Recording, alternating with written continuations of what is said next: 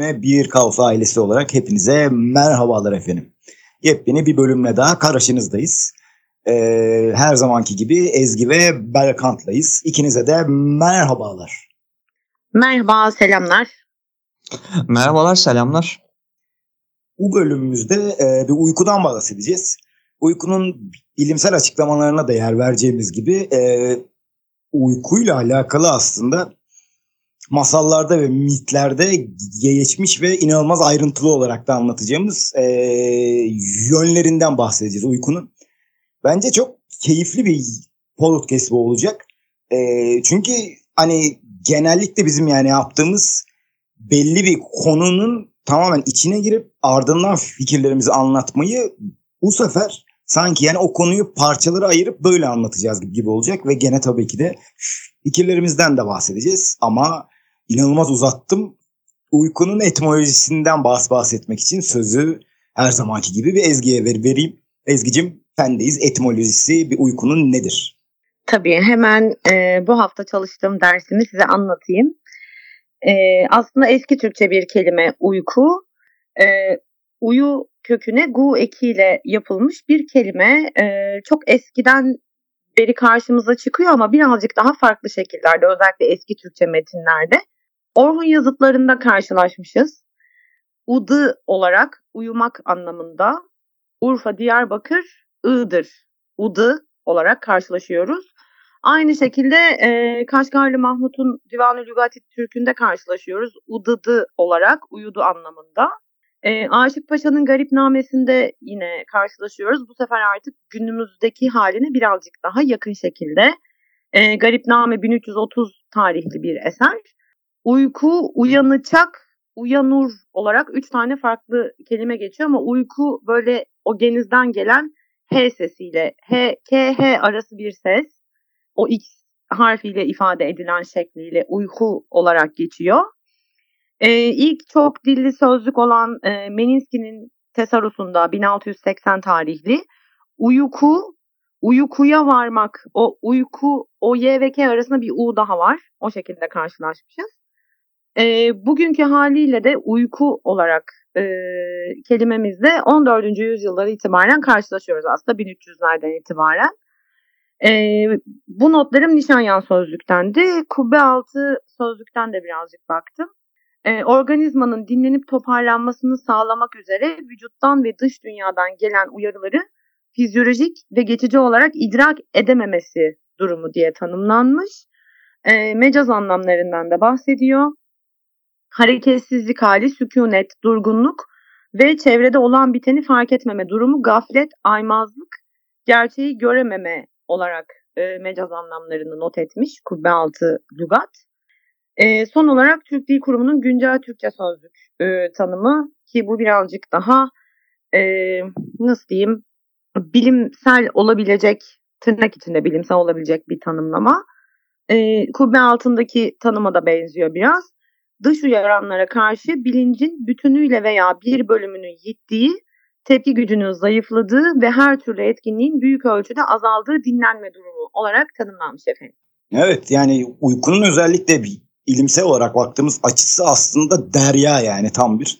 Azıcık ben de araştırdım. Zaten uyku galiba bir insanın e, farkında olamadan yaptığı ve şart olan yani yapmazsa öleceği şeylerin ilki olabilir. Ee, uyku zaten biyolojik saatte de önemli, inanılmaz önemli bence. Yani belli bir yer yerde şey yapıyor, oturuyor. Ee, melatoninden de bahsedeyim. Ben azıcık ardından Berkant'a atacağım topu. Melatonin bir hormon ve uyku ve uykusuzluk arasındaki bir dengenizi ayarlıyor. Yani çok uyuduğunuzda ya da uzun süre uykusuz kaldığınızda bunun e, temel nedeni melatonin. E, melatonini en fazla salgıladığınız saat gece 3 abi. Yani istediğiniz saatte uyuyun ya da uyumayın çok önemli değil. Hani sabahladığınızda falan 4 gibi 5 gibi falan e, bir uykunuz gelmeye başlar ya. Onun işte melatoninle doğrudan bir etkisi var. O salgılanıyor ve artık diyor adam sana uyu. Biyolojik saatin çünkü sana bir emrediyor bunu. Hepsi birbiriyle alakalı. Uykunun bir de en önemli yeri aslında REM uykusu. REM'in zaten bir İngilizceden o direkt şey yapılmış. Biziz bizde de REM. Rapid Eye Movement olarak şey yapan yani hızlı göz hareketleri bunlar. E, rüyayı gördüğünüz e, şey de Aralık da bu. E, ve abi çok acayip ben bunu araştırırken olamaz dedi, şey dedim. Berkant'a da sözü verirken onun da fikrini alayım bunda. Abi bu REM'de e, çoğunlukla bahsedilen bir döngü var zaten. Uyku rüya döngüsü de şey yapan zaten biyolojik saatte yaklaşık bir 12 saati falan bunun 24'ün 12'si %50'si de bir bu, bu döngüyü açıklamak için üretilmiş aslında. E, bu REM uykusu 70 ile 110 dakika arasındaymış. Çoğunlukla 90 oluyor işte 1-1,5 saat. 1,5 saat tam hatta. E, orada REM uykusunun işte yani bu 70-110 diyoruz ona biz. Hani bir, bir buçuk saat anlattığım gibi. O bir buçuk saati siz döndüre döndüre şey, yani bölüm bölüm olarak arkalara ekleyerek kaç saatte uyuduysanız uykunuzu oluşturmuş oluyorsunuz. Yani abi bu çok acayip bir şey değilmiş. Şeylere hak verdirecek kadar bilimsel bir açıklama aslında bu. Ee, bir ne diyorlardı ona? Bir hayal evreninde şey yapıyoruz. Ee, bu bir üretilmiş bir dünya. Her şey burada doğal olamayacak kadar sıradan gibi mantığa sahip olanlar için bu REM uykusunun birer buçuk saatlik eriyotların tekrarlanmış bir hali bir olduğu aslında tamamen bir onların işine yarayan bir şey değil mi? Yani insan olduğunun aslında kendini o kadar önemsememesi lazım bir olduğunun bilimsel bir argümanı gibi değil mi? Kendi içinde bir döngüsü var. Kendi içindeki döngü devam ediyor ve o, o, uyuyorsun, uyanıyorsun gibi bir nasıl hayat döngüsü varsa uyku da kendi içerisinde döngüye çeviriyor ve bir fantazyanın içerisinde, bir fantazmanın içerisinde e, hani şey dedin ya hiçbir şey anormal olamayacak, normal olduğu bir bir bir gerçeklik diyelim ona. O gerçeklikte devam ediyor. Fantazya da bir gerçekliğe dönüşüyor ve uyku işte o bir buçuk saatlik periyotlarla bunu bizim için en katlanılabilir hale getiriyor. Senin dediğine geliyor iş. Onun güzel bir bilimsel açıklaması oldu. Evet. Ya hani, hani düz dünyacıların bile işine yarayabilecek bir açıklama bence bu. Hem de ilimsel bir açıklama. Çok garip. Ee, şeyden de bahsedeyim. Berkant'ın gene bir fikrini alayım o konuda. Uykunun abi iki tane farklı açıklaması var. Zaten biri atasözü direkt. Uyku bir ölümün kardeşidir. Bir. Abi bir de ikincisi de şey, e, uykunun öbür adı olarak da çoğunlukla anlatılan yarı ölüm hali. Yarı ölüm halinin de aslında bir ilimsel bir açıklaması var. REM uykusuna geçtiğinizde, geçtiğimizde hepimiz e, yani rüya görüp iyice kendinizden geçtiğiniz o bir buçuk saatlik e, önemin belli yerlerinde beyin sizi dümdüz vücudunuzu yani kısmi felç ediyor. Hareket edemiyorsunuz, duyu organlarınızdan bilgi alamıyorsunuz. Yarı ölüm halinin beyince yani beynin vücuda dikte ettiği yönü de aslında çok yani acayip. Ne dersin buna Erkant? Yani özellikle hani ölümün kardeşidir atasözünün bile ilim bilimsel bir açıklaması var gibi. Değil mi? Ya tabii bilimsel bir açıklaması. E, şimdi şöyle bizler aslında bir çeşit bilme rejimi içerisinde yaşıyoruz. Bil, bilim nedir? Bir bilme rejimidir. Bildiğimiz şeyleri tasnif etme yöntemlerimizden biridir. İşte son birkaç yüzyıldır bunu aydınlanma aracılığıyla yapıyoruz çok ama hani ondan öncesinde de e, skolastik bilmeler vardı. Onlar kendilerine göre bir bilme içinde yaşıyordu. Anadolu coğrafyasının insanları başka bir bilme içerisinde yaşıyordu. İşte antik döneme gittiğinde onlar da Yunanlısı olsun, Mısırlısı ya da Romalısı ya da İskandinavı onlar da kendilerine göre bir bilme rejimi içerisinde yaşıyordu. Ve bu, hemen hemen bütün bu toplumlarda uykunun kardeşinin ölüm olması veya uykunun yarı ölüm diye tanımlanması aslında uyku ölümün bir diferansiyeli, bir türevi, bir zamana göre değiştirilmiş hali. E, zamana göre yaşam formu değiştikçe ölüm formu değiştikçe uyku oluyor gibi bir şey tanım Yaşarken var. ölüm de diyenler var. Bununla alakalı zaten değil mi? E, Yaşarken evet, ölüm aynen bu çünkü evet.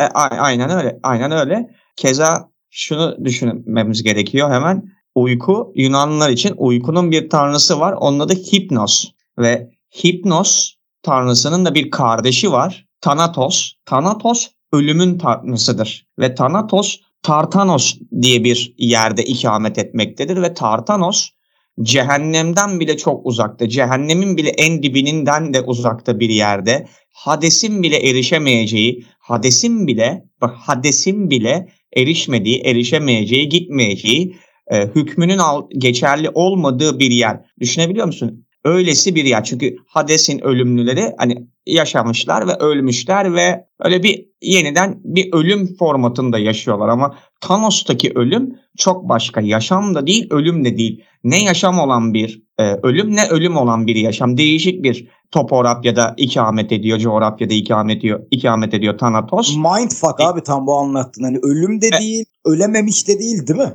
Tam böyle arada Tabii. gibi yani Araf'ta olsa hepimiz okey olurduk yani buna. Tabii tabii çok enteresan bir ölümün tanrısı yani Thanatos çok değişik bir ölümün tanrısı ve Thanatos'un zıttı olan daha doğrusu kardeşi olan zıttı demeyelim kanlı bıçaklı olan kardeşi Hipnos uyku. Çok apayrı iki e, şey. Mesela Thanatos ölümün tanrısı olmasına rağmen onun zıttı olan tanrı bir yaşamın tanrısı olan Eros. Yani yaşamda olma, yaşamayı istemenin tanrısı. Böyle değişik bir e, algısı var antik Yunanların ve o zaten bizim bu modern çağımızı da çok etkiledi. Hele bizim gibi böyle Avrupa'nın dibinde yaşayan o Avrupa'nın etrafında antik Yunan'ın etkileriyle gelişen kültürlerde biz bunu böyle düşünüyoruz. Ve çok rahatlıkla da yarı ölüm olarak bunu tasavvur ediyoruz. Ama bu muhtemelen başka antik dünyanın kültürlerinde de böyledir diye düşünüyorum. Yarı ölümle ilgili de ekleyeceğim şu da var. Hiç duyuların kapatılmasından bahsettin. Bu da tamamen anestezik bir durum. Yani duyular kapalı. Aslında ben bir orada araya gireyim doğru bilgi Tabii. verememişim gibi gibi olacak çünkü duyu organların aktif hala. Ama bilgi alamıyorsun oradan. Duyu organlarının felci diye bir şey yok orada. Onlar sana sana dediğimiz zaten bir beyin. Beyne bilgi şey olmuyor orada. Bilgi, bilgi akışı yok yani. Aslında aktifler. Felç denmesi de o zaten. Yani bir organların falan var ama hareket edemiyorsun. Kon- kontrol edemiyorsun ya. Bir aynı hemen hemen. İşte ona e, sana e, bilgi kuramsal bir e, yerden onu ben formülize edeyim senin için e, dinleyenler için. İşte orada işlemden geçiremiyor. Zihin gelen verileri işlemden geçiremiyor. Yani İngilizce tabirle proses olmuyor ve o proses olmadığı için işlemden geçiremediği için de bir bilgiye dönüşemiyor. Yani gelen uyaranlar, uyaranlar geliyor ama o uyaranlardan bir bilgiye, bir veriye, bir e, duyu verilerinin bilgisine ulaşamıyoruz. Merhaba John Locke ve e, ampiriz demek istiyorum burada. E, Böyle bir durum var. Yani anestezik olmasının sebebi duyuların kapalı olması değil, gelen duyulara gelen verilerin işlenememesi ki bu da bizi nereye götürüyor? Thanatos'un coğrafyasına atılmış oluyoruz ve e, hipnotize olmuş bir şekilde yani uyuyoruz aslında. Tuhaf bir ikili var burada. Tuhaf bir karşıtlık var. Yani sen bir mitolojiden bahsettin, bir mitlerden de bahsettin. Ezgi'ye burada şunu sormak lazım. Yani bu antik Yunan olabilir, İskandinav olabilir. Oralardaki böyle mitlerle bir bizim coğrafyayla alakalı masallar olarak genelleyebileceğimiz kültür arasındaki bağlantıyı nasıl, nasıl açıklarsın Ezgi? Bir illaki elinin altında örnekler de vardır da. Hani bir öncelikten örnekleri anlatmadan önce aradaki bağlantı yani ben çünkü çok algılayamıyorum yani. Yani mesela Hades'ten bahsedip bir bizim kültürdeki hani uyku neyi olabilir? İlahı falan gibi bir şey yok ya. Belki vardı ama artık yok. Şu an için çünkü anlatılan hikayelerde yok gibi. Sen bu aradaki bağlantıyı nasıl gör- bir görüyorsun ve tabii ki de elindeki örnekleri de bir uymak bir isterim ben. Ya şimdi aslında bütün bu bağlantılar biraz da şey dini anlatılar üzerinden sağlandığını düşünüyorum. Çünkü e, İslamiyet'te de diğer kutsal kitaplarında kabulü durumu söz konusu olduğu için e, birazcık o Hristiyanlığa dair anlatıların da e, İslamiyet'te kabul görmesinden dolayı e, bazı şeylerin de kültürel yolla aktarılması aslında. Hani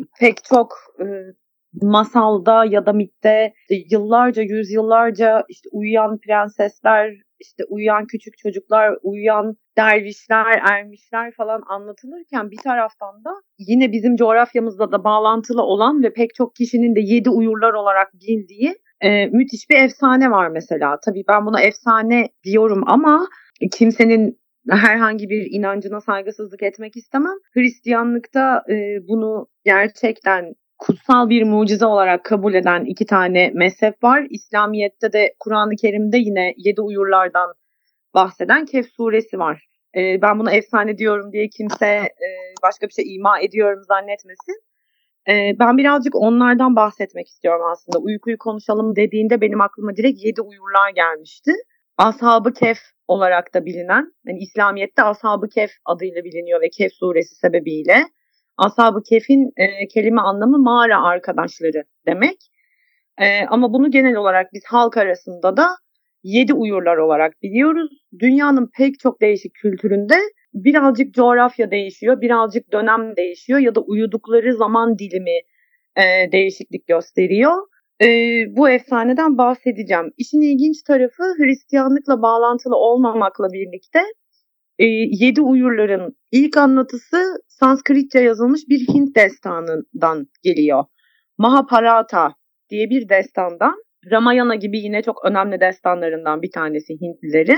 Aslında hani dediğim gibi bazı farklılıkları var ama ortak tek bir tarafları var. O da şu pagan inanışına sahip olan, mensup olan diyeyim daha doğrusu Roma imparatorları döneminde ilk Hristiyanların uğradıkları zulümle bağlantılı bir şey hikaye. Şöyle e, Hristiyanlıkta iki farklı coğrafya için çok açık açık ve e, imparator adı da e, verilerek anlatılmış bu. E, ilki bizim coğrafyadan olsun. E, Selçuk Efes'teki Yedi Uyurlar Mağarası e, üzerinden anlatılan efsane şöyle. Milattan sonra 249-251 yılları arasında oğluyla ortak olarak e, Roma İmparatoru olan Dakius var. Onun zamanında geçen bir e, efsane bu. E, inançları sebebiyle e, artık hani Hristiyan e, olduklarını açıkça söyledikleri için imparator tarafından e, ölüm cezasına çarptırılan 7 kişinin bazı kaynaklarda da 8 olarak geçiyor. Bazı kaynaklarda 7 kişi artı bir köpek olarak geçiyor. 7 kişinin hani idam edilmekten, öldürülmekten korktukları için bir mağaraya sığındıkları ve bu mağarada mucizevi bir şekilde uykuya daldıkları anlatılıyor. İmparatorun emriyle de onları aramaya giden askerler bu insanların bir uykuya daldığını görünce ve uyandıramadıklarını da görünce e, mağaranın girişini e, kapatıyorlar. Üzerine önüne de bir levha bırakıyorlar. Yedi kafirin ölüme terk edildiklerini bildiren bir levha diye e, not almışım buraya. E, yedi uyurlar üzerleri kapa- kapatıldıktan sonra bazı kaynaklara göre 184, bazılarına göre 200, bazılarına göre 230 sene sonra mucizevi bir şekilde yine uyanıyorlar. E, ve aradan geçen zamanın farkında değiller. Bu sebeple şehre ekmek almaya gidiyorlar. Fırıncı çok eski yani 200 küsür ya da işte 184 yıl önceden kalan parayı görünce bu kişinin bir define bulduğundan şüpheleniyor. Ee, beni oraya götür götüreceksin. Bu defineyi bulduysan bana da payımı vereceksin yoksa seni şikayet ederim falan filan gibi. Tabii bu geçen sürede de Roma Hristiyanlığı kabul ettiği için e, şeyde biraz şaşırıyorlar. Hani Meryem'in oğlu İsa'nın adının e, halk arasında şehirde serbestçe söylenebiliyor olmasına da çok şaşırıyorlar. E, daha sonra bir şekilde psikoposun karşısına çıkartılıyorlar.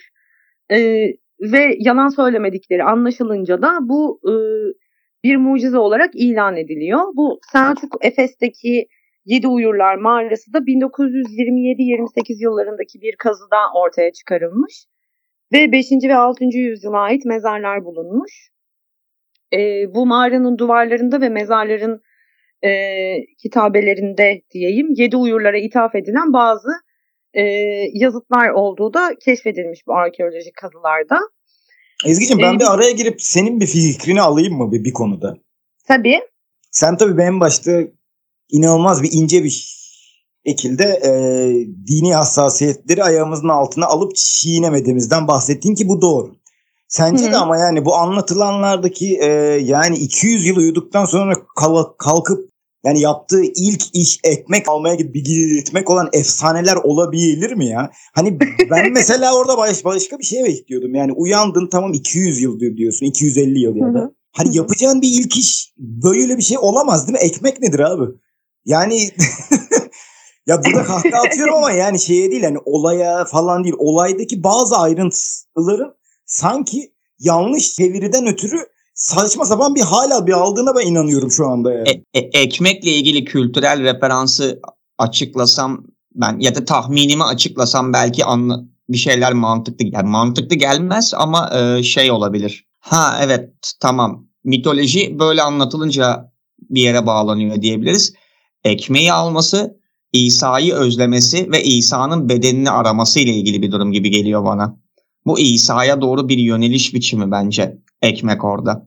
Çünkü yani abi açlıkla falan alakası yok sen diyorsun. Evet. diyorsun değil mi? ekmek İsa'nın bedenini temsil ediyor. Bana soruyorsan.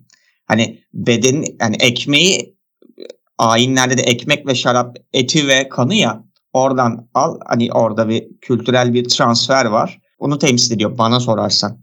Buna ilgili yani şey kesinlikle bir şey anlatamam yani. Sadece kendi fikrimi söylüyorum. Ha bana sorarsan yine efsane mitolojidir yani bu. 200 yıl uyumuş da uyanmış falan filan ama insan hikayeye muhtaç bir canlı. Ne yaparsın yani bir hikaye lazım birine bir şekilde. Uyku ile ilgili de bir hikaye lazım. O bunu yazmış babalarda ne yapsınlar?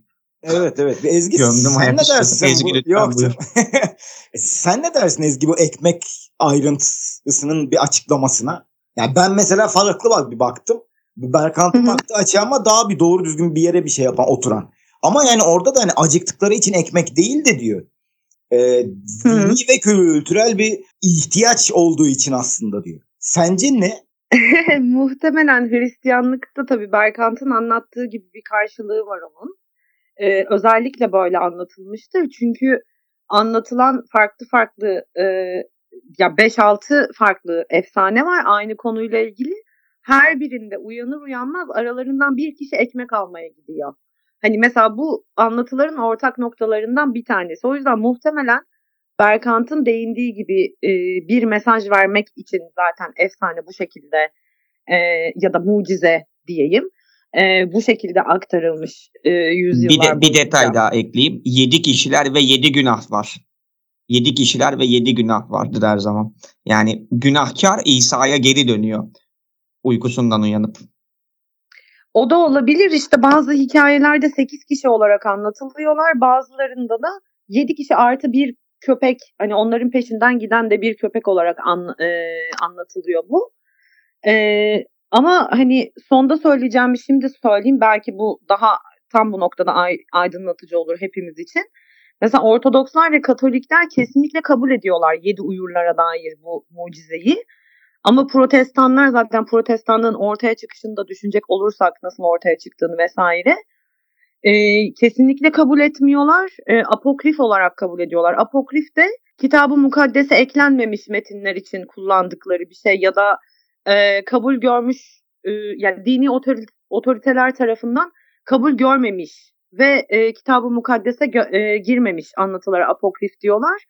E, ve doğru kabul etmiyorlar, inanmıyorlar. E, hani bu üç e, mezhepten protestanlar bu e, efsaneye, bu mite ya da bu e, mucizeye inanmıyorlar. Onu da e, not düşmüş olayım. Ben bir de E, kendi kendimle yani kendi kendimle çelişip ke- kendimi aslında bir denklemin bir içinden atacak bir şey daha diyeyim. Ee, zaten hani sırf açlıktan ötürü ekmek olsa ekmekten önce et akıllarına gel- gelirdi. O yüzden hani açlıkla yani ekmeğin çok alakası olamayabilir. O konuda bir ikinize de hak verdim şu anda. Yani bilemedim hiç tabii bu tarafından e, bakmamıştım. Neden ekmek diye e, üstüne uzun uzun düşünmemiştim ama hikayedeki bu ortaklık benim de dikkatimi çekmişti. Ama Berkant güzel aydınlatmış oldu. Teşekkür ederim o yüzden. Ha, hadi, hadi bir şey daha söyleyeyim. Onaylama ve aklanma için de papaza gidiyorlar bak dikkat et. Hakime gitmiyorlarsa ya hakim dediğim ya da herhangi bir kamusal otoriteye değil. Herhangi bir toplumsal otoriteye değil. Dini otoriteye gidiyorlar. İlahi Tabii, tabii. otoritenin temsilcisine gidiyorlar. Orada da bir Ama şey bak bir var. orada şöyle, şöyle bir ayrıntı da olabilir. Hikaye anlatıla anlatıla kendi bir yani içindeki ayrıntılar da bir o düzeyde bir etkilenmiş olabilir. Yani E, böyle tabii, bir şey de olabilir. Ama Bir şu var mesela her seferinde fırın, fırıncı define bulduklarını ve defineden bana pay vermezseniz sizi imparatora şikayet ederim ya da askerlere şikayet ederim diyor. Hani fırıncı her seferinde şerefsiz hikayede. Her yani. işte o o o o işte o işte yani ölümden uyanıyorlar ya da uykudan uyanıyorlar ve İsmail'in çok sevdiği bir söz var. Daha önce bir yerlerde de konuşmuştu bunu. Hangi bölümde hatırlamıyorum. Bu dünya başka bir dünyanın da cehennemi olabilir. İşte bu dünyanın cehennemindeler yani onu anlıyorlar. Bak orayı da bir kültürel olarak bir mitolojide bir yere bağlayayım senin için. Evet güzel oldu bu. Büyük resmi görüntülük yapıyorum şu an. Ya böyle bir şey olamaz. Ya güzel tek, oldu tek ama. bir örneğin üzerinden ilerledik.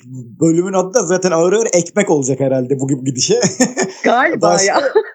yani evet. Yedi uyurlardan baş- başka peki böyle bir örnek var mı? Şöyle yedi Masal gibi, uyurlarla mit ilgili gibi. Evet. Bir iki bir şey daha söyleyeceğim. Onu da söyleyip tamamlamış olayım eksik kalmasın. Ürdün topraklarında anlatılan bugün Amman'da e, bulunan bir e, mağara var. Oranın Yedi Uyurlar Mağarası olduğu iddia ediliyor.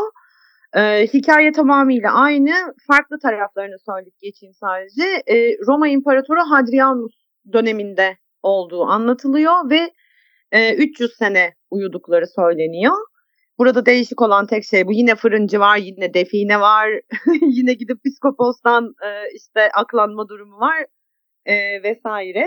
Bunun dışında İslamiyet'te de yeri var Ashab-ı Kehf olarak. E, sadece uyandıkları tarih yazıyor Kehf suresinde. Hicri olarak 309 yılında yani miladi 922 yılında uyanmışlar. Farkı sadece bu. E, Mersin'deki ve neredeki Kahramanmaraş Afşin'deki mağaraların Kehf suresinde geçen mağaralar olduğu düşünülüyor. Hatta bunun için 1873'te e, Abdülaziz tarafından bir mescit yaptırılmış Mersin'deki mağaranın yanına. Ve şöyle sıralayayım. Bütün dünyada 33 tane şehir e, bu anlatıya sahip çıkıyor ve işte bizim şehrimizde Yedi Uyurlar Mağarası diyorlar. Bunlardan 4 tanesi Türkiye'de. Kahramanmaraş, Afşin, e, Selçuk, Efes, Diyarbakır, Lice ve Mersin, Tarsus. Hatta Mersin'deki o esrarengiz kazı için de yedi uyurlarla mı alakalı bu kazı falan diye iddialar ortaya atanlar vardı. Onun dışında İspanya, Cezayir, Mısır, Ürdün, Suriye, Afganistan ve Doğu Türkistan'da yedi uyurlara ait olduğu iddia edilen e, mağaralar var. Herkes yedi uyurlar buralardaymış e, diye iddia ediyor. Tabii bu bir e, güzel bir turizm pazarlama tekniği de aynı zamanda. Bu- bugün bambaşka bir ülke çıkıp İngiltere çıkıp hayır efendim yedi uyurlar buradaydı falan da diyebilir. Ona da şaşırmam yani İngilizler nasıl atlamamış bunu ona da hayret ettim. Hatta bunu not ederken. Onlar Ee, müzelerine götüremeyecekleri şeye çok konmuyorlar ya. Of. Tabii. Arada Aa. güzel vurdum değil mi? Bunu bu bölümü evet. Tabii Tan- Tanrı kraliçeyi korumasın artık. Değil mi? God bless the queen. artık korumasın ya lütfen. Efsaneleşmiş olayım ben adının yedi uyurlar değil ekmek artık olarak adlandırılmasını öneririm ama. Üzerine bu kadar muhabbet ne edip ekmeğin için içini açıp yani bir ekmek olabilmesini çünkü tartıştıktan sonra o yedi uyurlar değil bence en azından ekmek. Ekmek olayı. Ol- Ekmek efsanesi uyanıp- ya da. Uyanıp ekmek yemek isteyenler falan gibi onu daha süslü bir isim bular, bul- bulabilirsek o olabilir belki bilemedim. Evet evet. Başka bir örnek peki böyle. Var. Yedi uyurlar gibi olabilir evet. Var yani bu hepimizin çocukluğundan beri bildiği Uyuyan Güzel masalımız var Sleeping Beauty. Ama bizim tabii sevimli versiyonunu bildiğimiz hani işte prenses uyur, e, prens onu öper uyanır ve işte 100 yıllık uykusundan uyanır ve mutlu mesut yaşarlar. Ama e, orijinali böyle değil tabii. Artık herkesin bildiği e, bir şey olduğu için hemen her yerde karşımıza çıkıyor işte hiçbir masalın gerçeği böyle değil aslında şunun başına şöyle bir felaket geliyor, bunun başına böyle bir kötülük geliyor falan gibi e, çoğunun biz gerçek sonlarını öğrendik maalesef. E, çoğumuzun da hayal dünyası yerle bir oldu belki ama bunu öğrendiğimizde. Herhalde en çirkinlerinden bir tanesi Uyuyan Güzel'in orijinal versiyonu. E, 14. yüzyıldan beri halk arasında bilinen bir e, masal bu. Çok fazla da böyle hani şu derlemiş, şurada yayınlanmış falan filan diye oralarına girmeyeyim. Çok da uzatmış olmayayım. Ee, ama şunu söyleyebilirim hani Grimm kardeşlerden bahsetmeden olmayacak Uyuyan Güzel demişken. Ee, 1812'de e, Alman Grimm kardeşler tarafından derlenmiş bir e, halk anlatısı. Ondan öncesinde de e, bir Fransız e, edebiyatçının ve bir İtalyan şairin e, yayınlamışlığı var zaten bazı çalışmalarında. Bunlar internet bayağı dümdüz Wikipedia bilgisinden bulabilir herkes bunları. Çeşitli versiyonları var bunun da tabii. Ee, tek ortak noktası uyuyan bir e, prenses olması aslında. Farklılıklar şöyle hani lanetten uyuyor bir kehanetten dolayı uyuyor işte bir üvey anne var diyor bir tanesi bir başkası bir kötü e, peri tarafından eline kıymık iğne ya da keten batması sebebiyle uykuya e, daldığı söyleniyor. E, güzel versiyonu prensin prensesi öperek uyandırdığı yönünde. Diğer versiyonlarında e, prensin prensese tecavüz edip gittiği, bir başka versiyonunda prensin yine prensese tecavüz ettiği ama prensesin hamile kaldığı ve hala uykudayken doğum yaptığı, iki bebek doğurduğu, iyi perilerin o bebekleri büyüttüğü, daha sonra bebekler süt emerken e, bir şekilde o prensesin eline batan kıymığı ya da keteni e, çıkarttıkları, hareket ettirdikleri ya da bir başka anlatıda bebeklerden birinin annesinin parmağını emerken o kıymığı çıkarttığı ve böylece prensesin uyandığı e, yönünde farklı farklı anlatılıyor. Şimdi işin daha çirkin tarafı var ya bu buraya kadar olan kısım zaten yeterince çirkin ama daha da çirkin bir tarafı var. Prenses uyandıktan sonra prensin peşine düşüyor. Prens de bu arada kral olmuş tabii. Aradan bilmem kaç sene geçtiği için ve birisiyle evlenmiş. Evlendiği kişi de prensesin uykuya dalmasına sebep olan kötü periymiş aslında. Bir sürü şey oluyor. Kötü peri bebekleri öldürtmeye çalışıyor falan filan derken kral bütün olayı anlıyor. Kötü periyi ateşe atıyor ve bu şekilde öldürüyor. Daha sonra bebekleriyle birlikte tırnak içinde mutlu mesut yaşıyorlar. Yani şimdi bunun bile buraya bağlanıyor olması yeterince iğrenç ve kabul edilemez bence. Hani sadece prens prensesi öpmüş ve uyanmış hani hepimizin çocukken bildiği versiyon okey. Yani orada da bazı bence belli başlı pedagojik sıkıntılar var ama hadi buna tamamım. Ama bu hikaye daha iğrenç. Yani prens prensese tecavüz ediyor. Prenses uyanıyor. Gidiyor peşine düşüyor. Falan filan işte kötü peri öldürülüyor. Sonra mutlu mesut yaşıyorlar. E ama tecavüz etti falan hani. E, yine hikaye iğrenç bir noktada o yüzden keşke çocuklara daha doğru düzgün pedagojik açıdan çok daha sağlıklı masallar ya da hikayeler anlatsak artık şu uyuyan güzelleri kırmızı başlıklı kızları falan bir kenara bıraksak da e, anlatabilecek çok fazla daha şey var. Ben masal anlatırken bile sinirlendim şu an yine. Pardon. Şeyde ben tek bir şey yapacağım. Bir ayrıntı, bir ek olacak.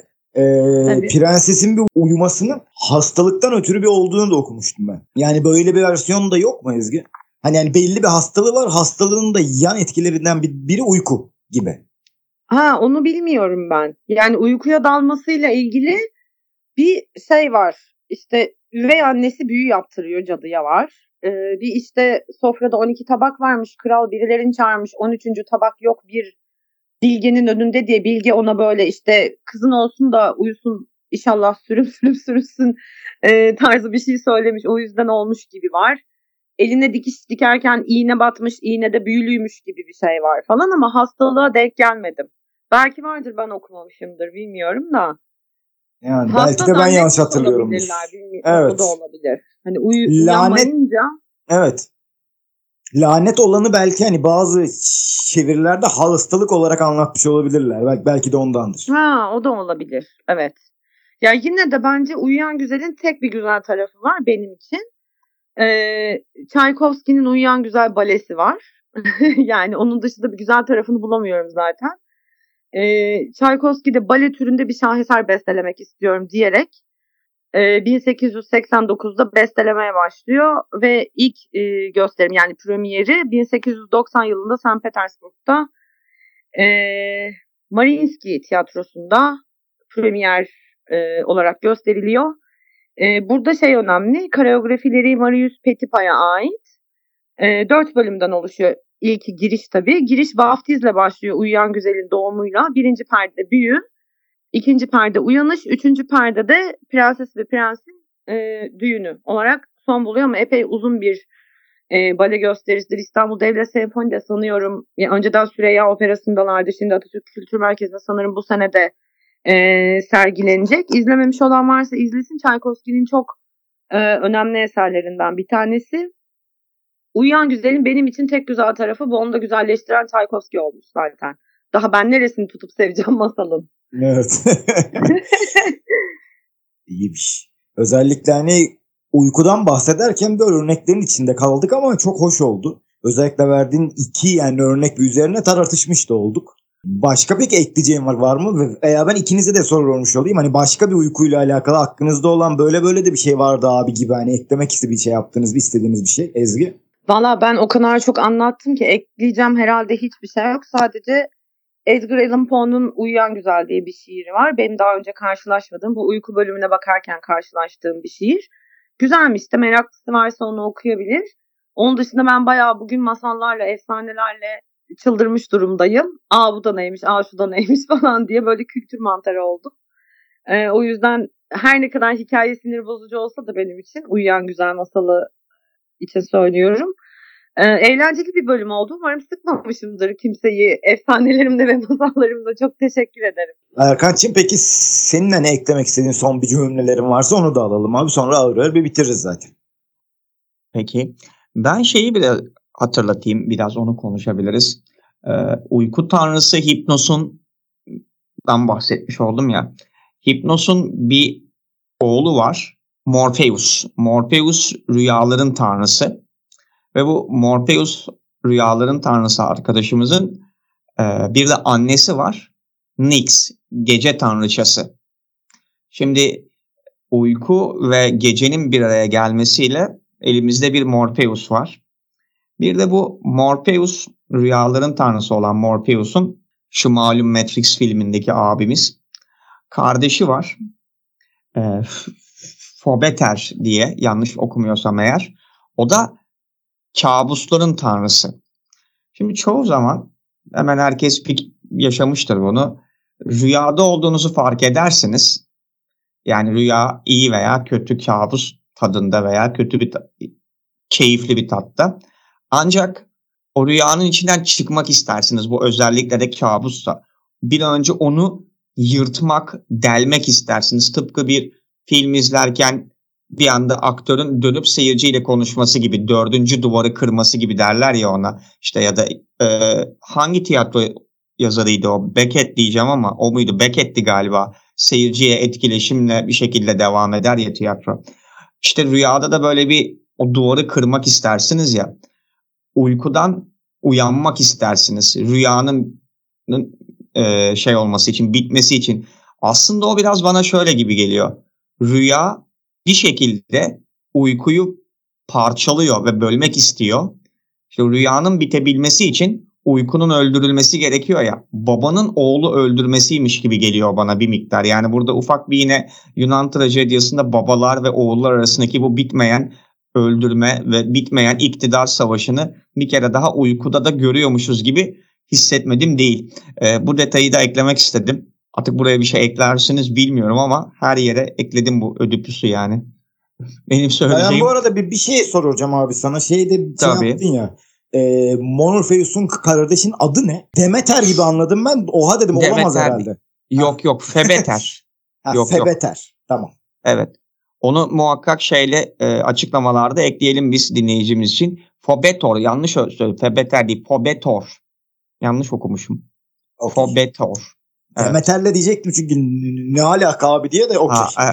Ay yo yo. Ta- tamam başka. Bunlar da kendi içinde bir Yunan mitoloji sülalesi ya. Bunlar da bambaşka sülalesi denmez de ben onu uydurdum şu anda. Bunlar da kendi aralarında başka bir alanı domine etmiş durumdalar. İşte Hypnos, Morpheus, Nyx, Fobeter, Thanatos. Bunlar da uykunun alanında hüküm sürüyorlar ve uyku üzerine bilme getiriyorlar bize. Uykunun felsefesini yapan bir e, kitle diyelim. Böyle bir evet. şey. Ekleyeceklerim Teşekkür bunlar. ederim abi. Ben teşekkür ederim. Dinleyenlere teşekkür ederim. Çok sağ ol. Bir bölümün daha sonuna geldik. Ee, uykuyla ilgili söyleyebileceğim benim iki tane daha ayrıntım var. Ee, insan insan hayatının üçte biri zaten bir uyku hepimizin de bildiği gibi. Bunu hani dörtte bire ya da yarı yarıya artırıp azaltmak elinizde ama yapmasanız daha iyi gibi sanki. Ekleyebileceklerim beklenim de böyle. Dinlediğiniz için teşekkürler ediyoruz hepinize. Bir bölümü de böylelikle bir bitirmiş olduk. Hepinize bay bay.